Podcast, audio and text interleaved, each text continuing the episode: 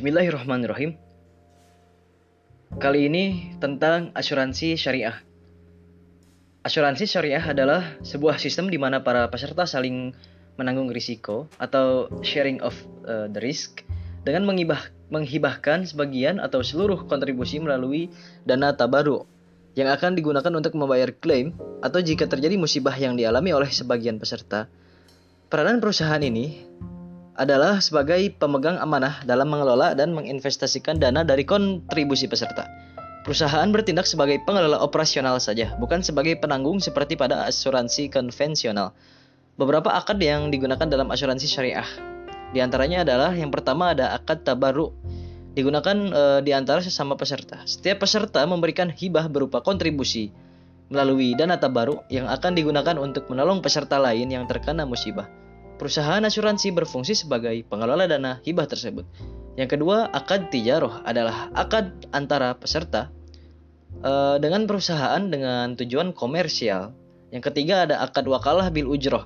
Digunakan sebagai dasar peserta menyerahkan pengelolaan keuangan kepada perusahaan asuransi, yaitu suatu akad tijaroh yang memberikan kuasa kepada perusahaan sebagai wakil peserta untuk mengelola dana tabaruk uh, dan atau dana investasi peserta sesuai kuasa atau wewenang yang diberikan kepada imbalan berupa ujroh atau fee. Yang keempat ada uh, mudorobah.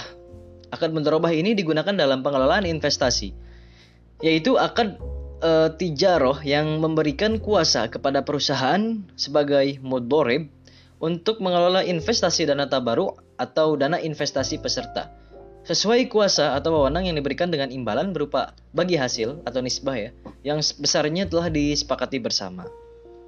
Nah, adapun konsep uh, asuransi syariah yaitu sharing risiko antara satu peserta dengan peserta lainnya ya. Terus dari akadnya itu ya tentu saja ini tolong menolong ya.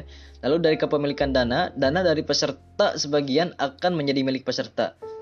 Sebagian lagi untuk perusahaan sebagai pemegang amanah dalam mengelola dana tersebut. Lalu dari uh, sumber pembayaran klaim itu dari rekening tabaru yang merupakan dana milik peserta.